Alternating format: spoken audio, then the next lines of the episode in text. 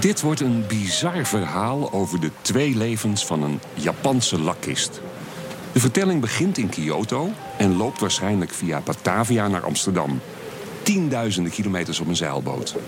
De kist komt in handen van welgestelde burgers, van Jules Mazarin, de puissantrijke eerste minister van Frankrijk, en van de grootste kunstverzamelaars ter wereld. Aan het begin van de Tweede Wereldoorlog lijkt het afgelopen met de kist, want de straat in Londen waar hij op dat moment staat, wordt gebombardeerd. Einde verhaal. Tenminste, zo lijkt het. Dan opeens, in 2013, nog maar een paar jaar geleden, duikt het meesterwerk weer op. Een veilingmeester treft hem aan ergens in een klein Frans dorp. Geloof het of niet, de beauty wordt in die jaren gebruikt als drankkast. Deksel dicht, kleedje erover en niemand ziet dat je een borrel in huis hebt. Personne ne surenchérit, nous accusons à 5 900 000 cette enchère mondiale. Tijdens een bloedstollende veiling doet het Amsterdamse Rijksmuseum uiteindelijk het hoogste bod. Ruim 7 miljoen euro. En de kist is terug in Amsterdam. Directeur Taco Dibbits verwoordt zijn trots in één zin. Ja, dus er is een Rijksmuseum voor en een Rijksmuseum na de lakkist. En dat is, eh, ja, is iets prachtigs.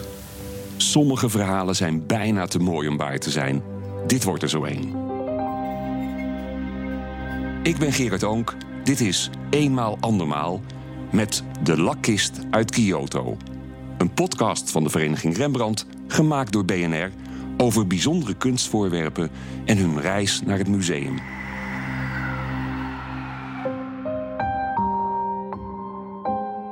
Laten we maar bij het begin beginnen. Om je een tijdindicatie te geven. De kist wordt gemaakt in dezelfde periode dat Hugo de Groot ontsnapt uit slot Loevestein. Andere kist, ander werelddeel, ander verhaal. Maar alles speelt zich af aan het begin van de 17e eeuw. Onze lakkist is een groot, rechthoekig exemplaar, volledig versierd met glanzende lak, parelmoer, zilver en heel, heel veel goudpoeder. De krant La Nouvelle République is lyrisch en heeft het over de Mona Lisa van de Aziatische meubelkunst. Menno Vitsky, het hoofd van de afdeling Aziatische kunst bij het Rijksmuseum, wil daar niets aan afdoen. Ik denk dat ik me wel kan vinden in die betiteling van Mona Lisa. Het is natuurlijk het, het meest rijk gedecoreerde, het grootste stuk lakwerk dat we kennen uit de vroege 17e eeuw. Dus ja, ik vind het wel een mooie titel. De kist is voor lakwerk echt heel groot. Dat is het eerste wat opvalt. Meestal zijn lakwerkkistjes, omdat het zo arbeidsintensief is om te maken, ehm, zijn ze 20, 40 centimeter groot. Dat is al vrij fors. En deze kist is ja, meer dan 1,30 meter. Dus dat is buitengewoon. En over de hele voorkant zie je een 10e eeuws klassiek Japans verhaal uit het verhaal van Genji. En dat staat ja, fantastisch mooi in goud en ingelegd met parelmoer en zilver. Staat dat op die voorkant. Dus heel rijk versierd. En met exotische, voor Europeanen dan natuurlijk exotische figuren van mensen in kimono's. Dus dat, dat moet heel erg aangesproken hebben in de 17e eeuw. Ik denk dat hij vooral rijkdom moest uitstralen. En zo is in Japan ook de prijs van lakwerk. Dat is voor een deel toen arbeid natuurlijk nog goedkoop was, is dat de prijs van het hoeveelheid goud die erop zit. Dat bepaalt in Japan in hoge mate de prijs van lakwerk. Ehm, en voor de Nederlanders die dat besteld hebben, was dat natuurlijk ook relevant. Het moest een voorwerp zijn wat je status gaf, wat je liet zien hoe succesvol je wel niet was. Daar ging het denk ik om. Japans lakwerk, of urushi, is in de 17e eeuw erg gewild. Het is in Europa eigenlijk alleen via de VOC te koop. Japan handelt in die tijd uitsluitend met andere Aziatische landen. Alleen voor de Hollanders van de VOC wordt een uitzondering gemaakt. Onze kooplui zitten op Deshima, een waaiervormig eilandje in de haven van Nagasaki. Ze mogen er niet van af, want vrij reizen door Japan is in die tijd streng verboden. Eén keer per jaar worden de strenge teugels gevierd. De Nederlandse handelaren mogen dan een bezoek brengen aan de shogun in Tokio. Deze opperbevelhebber van het leger, maar in die periode feitelijk de alleenheerser in Japan, wordt overladen met geschenken in de hoop dat hij de verblijfsvergunning weer met een jaar verlengt. Op hun reis door het binnenland naar Tokio komen de handelaren langs Kyoto, waar een aantal prestigieuze ateliers zit. En daar zien ze het bijzondere handwerk. De Hollandse kooplieden kunnen rond 1640 de hand leggen op een serie heel bijzondere lakkisten. Ze zijn van de allerhoogste kwaliteit die Japan te bieden heeft. Het moet ook voor de makers een bijzondere opdracht zijn geweest. Om het een beetje in perspectief te plaatsen, drie jaar eerder, in 1637, wordt vergelijkbaar lakwerk gemaakt ter ere van het huwelijk van de shogun. Het was voor de ateliers dus echt een prestigeproject. Menno Fitski. We weten natuurlijk niet hoe de Japanners gereageerd hebben op het krijgen van die opdracht. We weten niet eens welke werkplaats het precies is geweest. Maar ja, een lakwerkplaats is natuurlijk gewoon een productiemaatschappij. Dus je krijgt een opdracht en je gaat dat doen. Het was alleen dat dit waarschijnlijk drie jaar heeft geduurd om voor elkaar te krijgen. Het is een hele planning, zo'n zo'n lakwerkkist maken. Met tientallen lagen lakwerk die er heel dun opgebracht worden en die tussendoor weer moeten uitharden en weer met verschillende maten van fijnheid gepolijst voordat de volgende laag erop kan. En dan wordt er met goudpoeder ingestrooid en dan wordt met bladgoud ingelegd, met zilver, met paramoer ingelegd. Dus dat duurt een hele tijd voordat die klaar is. Um, dus het was een echte grote opdracht waar waarschijnlijk met, ja, met meerdere mensen aan gewerkt is. Onze landgenoten bestellen een dozijn prachtige kisten. Vier grote en acht kleinere. Ze zijn zeer waarschijnlijk gemaakt in de beste ateliers van Kyoto. De kisten worden ingescheept en dan begint de lange reis naar Europa. Vijftien jaar later koopt Jules Mazarin, de schatrijke eerste minister van Frankrijk, twee kisten uit de serie. Kardinaal Mazarin is de leermeester van zonnekoning Lodewijk XIV en staat bekend als een verwoed verzamelaar van kunst. Hij is overigens waarschijnlijk niet de eerste eigenaar van de kist uit dit verhaal. Maar hij speelt wel een grote rol in de geschiedenis van het kunstvoorwerp. Nou, ik denk dat door de hele geschiedenis heen iedereen wel beseft heeft dat het een heel belangrijk voorwerp is geweest. Als je naar de geschiedenis van de kist kijkt, is het eigenlijk dat alle belangrijke kunstverzamelaars uit hun tijd hebben die kist in hun collectie gehad. Dus door de hele geschiedenis heen heeft iedereen zich toch wel beseft dat dit echt, echt bijzonder was. Aan het begin van de 20e eeuw wordt de kist nog twee keer geveild. De laatste keer in 1941. En daarna weet niemand meer waar hij is gebleven. Er wordt vermoed dat de kist bij bombardementen op Londen verloren is gegaan. Inmiddels weten we dat het verhaal beter af gaat lopen. Het appartement met de Japanse lakkist blijft gelukkig gespaard. Directeur Dibbits.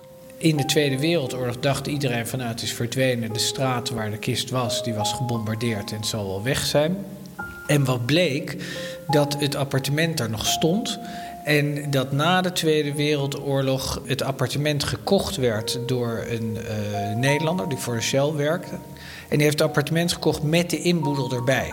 En die heeft toen ook nog gezegd van, nou, dat is een mooie, mooie kist. Moet ik die, wilt u die echt verkopen? Ja, die mevrouw wilde hem echt verkopen. En die heeft verder gewoon die kist leuk gebruikt als minibar jarenlang. Terwijl uh, de kist is een van de twee kisten die die verzamelaar Mazarin had. Die hele rijke uh, verzamelaar uit de 17e eeuw. De ene staat in de V1. Dat was een paar honderd meter verderop. En de andere had die man gewoon thuis staan. Dat is de grotere, want die, die in de V1 is kleiner. Dus de allergrootste, allermooiste kist in Japan gemaakt in de eerste helft van de 17e eeuw. Die stond als minibar in een huis vlakbij het Victoria and Albert Museum. En die mensen zijn op een gegeven moment, hij is met pensioen gegaan, heeft gezegd tegen zijn vrouw, nou we verhuizen samen naar Frankrijk. En ze zijn daar gaan wonen, in een plattelandsdorp. En op het moment dat, uh, dat hij overleed, toen werd er een, uh, vroegen de kinderen van ja, kunnen we een taxatie laten maken van de inboedel, het lokale veilinghuis gevraagd, want we hebben een Nederlandse klok. Nou, die klok was uh, niet zo heel bijzonder. Die veilingmeester die neemt hem in, ik geloof een paar duizend euro. En de zoon des huizes zegt, zullen we er wat op drinken? En die loopt naar de minibar toe en pakt de fles. En die veilingmeester die denkt van ja, maar dit is een hele bijzondere kist. Wist ook niet wat het was. En die zich toen gaan inlezen en die kwam er toen achter wat het was. En, en dat, dat verhaal is natuurlijk ja, dat het dan op de veiling komt en dat het zo'n ongelooflijk groot uh, hoeveelheid geld uh, opbrengt. Is natuurlijk een prachtig verhaal. Ja, maar daarmee is het sprookje nog niet afgelopen, want het Rijksmuseum kan ook echt gaan meebieden. Dat is een klein wonder, omdat de kostprijs van de kist waarschijnlijk het jaarlijkse aankoopbudget met een factor 25 gaat overtreffen. Gelukkig zijn er een paar gulle fondsen. De Jaffe Pierson Stichting stort zelfs haar hele vermogen en heft zichzelf op om het Rijks te kunnen helpen.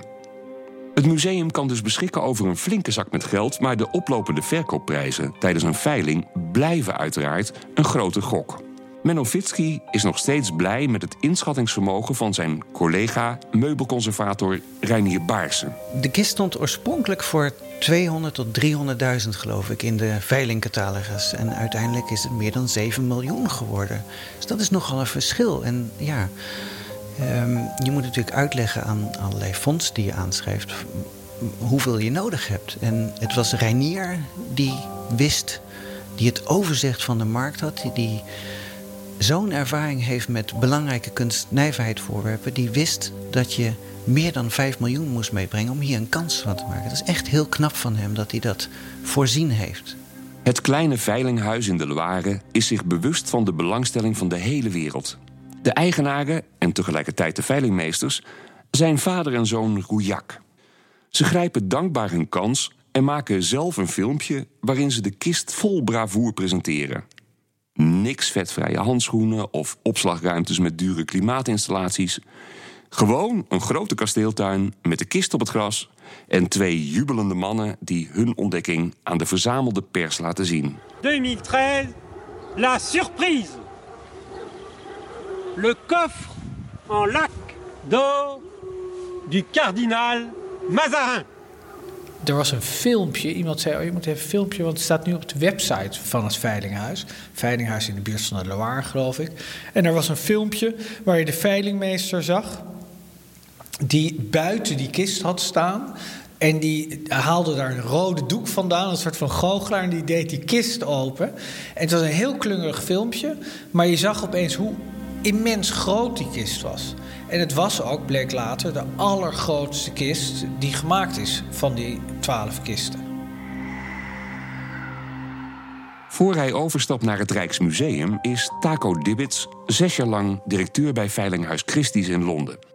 Hij kent de spanning van een veiling als geen ander. Op 9 juni 2013 heeft hij Juliette in Frankrijk aan de lijn. Zij geeft zijn biedingen door aan de twee veilingmeesters. Het is een vreemde situatie, want Dibbits staat zelf op dat moment ergens in een weiland. Je staat in een totaal andere situatie en je moet je ogen dicht doen om te proberen in te denken wat de, het ritme is van die veiling. Je moet ook wat dan heet op de goede voet zijn, want je kan, eh, als je op de foute voet uitkomt, ja, dan heb je het bot tegen je, maar kan je niet nog een bot daarboven doen. Dus je staat er met je ogen dicht. Het was stikheet, het was uh, in de uiterwaarden, dus het, was, uh, het water stond hoog. En ik stond in een soort van korte broek met laarzen, want het was warm en er was modder. En uh, overal uh, kinderen om me heen die uh, aan het roepen en het gillen waren. En ja, je bent eigenlijk een soort van totale concentratie, probeer je je in die veilingzaal te verplaatsen. Dat is zo'n moment dat je eigenlijk de grootheid van het moment nog niet je realiseert. Personne ne surenchérit, nous accueillons à 5 900 000 cette enchère mondiale. 5 900 000 d'une fois. 1 million 900 000 deux fois. Adjugé 1 million 900 000. Dus het was een heel spannend moment. En ja, dan is alles komt bij elkaar en alles is goed en uh, het is gelukt. En dan is eigenlijk, ja, dan is het meteen dat geschiedenis. En begint het nieuwe leven van die kist niet als minibar, maar als weer ja, wat het moet zijn. Een, een object van, uh, waar heel veel mensen van kunnen genieten. En ja, het, is, Rijksmuseum is er anders door. En dat, je, je zoekt naar objecten die echt ja, die andere kant laten zien van de kant die we al kennen. Ja, er is een Rijksmuseum voor en een Rijksmuseum na de lakkist. En dat is, uh, ja, is iets prachtigs. De kist uit Kyoto is terug in Amsterdam. Bijna vier eeuwen is hij weg geweest. Een zeereis van tienduizenden kilometers. Verloren in de oorlog. En herboren als minibar. Het verhaal geeft de aanwinst van het Rijksmuseum nog meer schoonheid. En voor Menno Vitsky ging een grote wens in vervulling. Ja, deze kist is wel eigenlijk een droom die waarheid is geworden. Dus we hebben een hele mooie collectie en er staan fantastische stukken in. Maar juist het hoogtepunt van het Japans lakwerk, dat je dat nu in het Rijksmuseum kan laten zien, ja, dat is wel geweldig. Dit was een van de twaalf afleveringen van een podcastserie over bijzondere kunstvoorwerpen en hun tocht naar de museumzaal. Eenmaal andermaal is een initiatief van de Vereniging Rembrandt gemaakt door BNR. Luister ook naar de andere elf afleveringen.